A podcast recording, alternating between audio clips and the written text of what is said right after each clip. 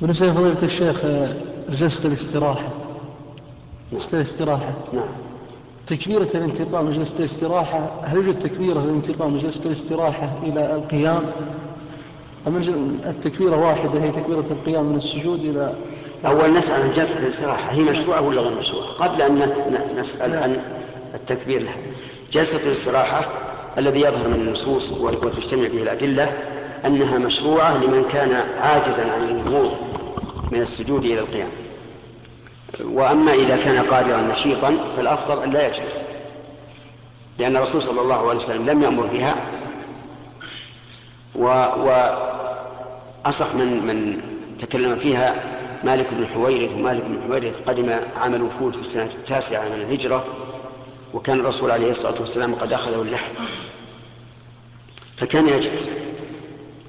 ويدل على أنها غير مشروعة أنه ليس لها ليس لها تكبير. لا لا, لا في الجلوس ولا في القيام من الجلوس وأنه ليس فيها ذكر. ولو كانت أمرا مقصودا بذاته لكان لها تكبير عند الجلوس وعند الانتقال من الجلوس ولكان لها ذكر لأنه ما من فعل من أفعال الصلاة إلا وله ذكر. الركوع له ذكر والسجود له ذكر والجلوس له ذكر الجلوس بين السجدين والقيام بعد الركوع له ذكر.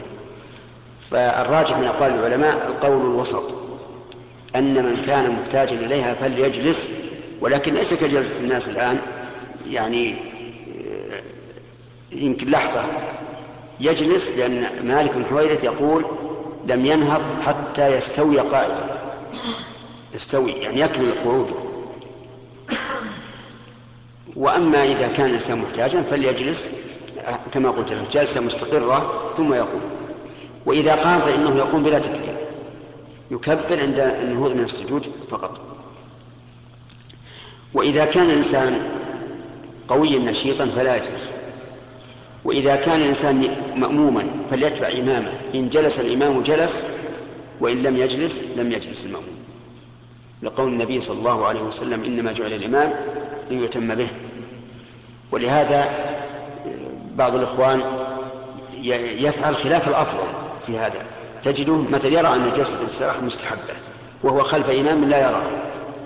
ثم تجده جالسا والإمام قد شرع في الفاتحة. وهذا خلاف الأفضل. وقد نص على هذا الشيخ الإسلام ابن تيمية رحمه الله وقال إن الأفضل متابعة الإمام ولا يجلس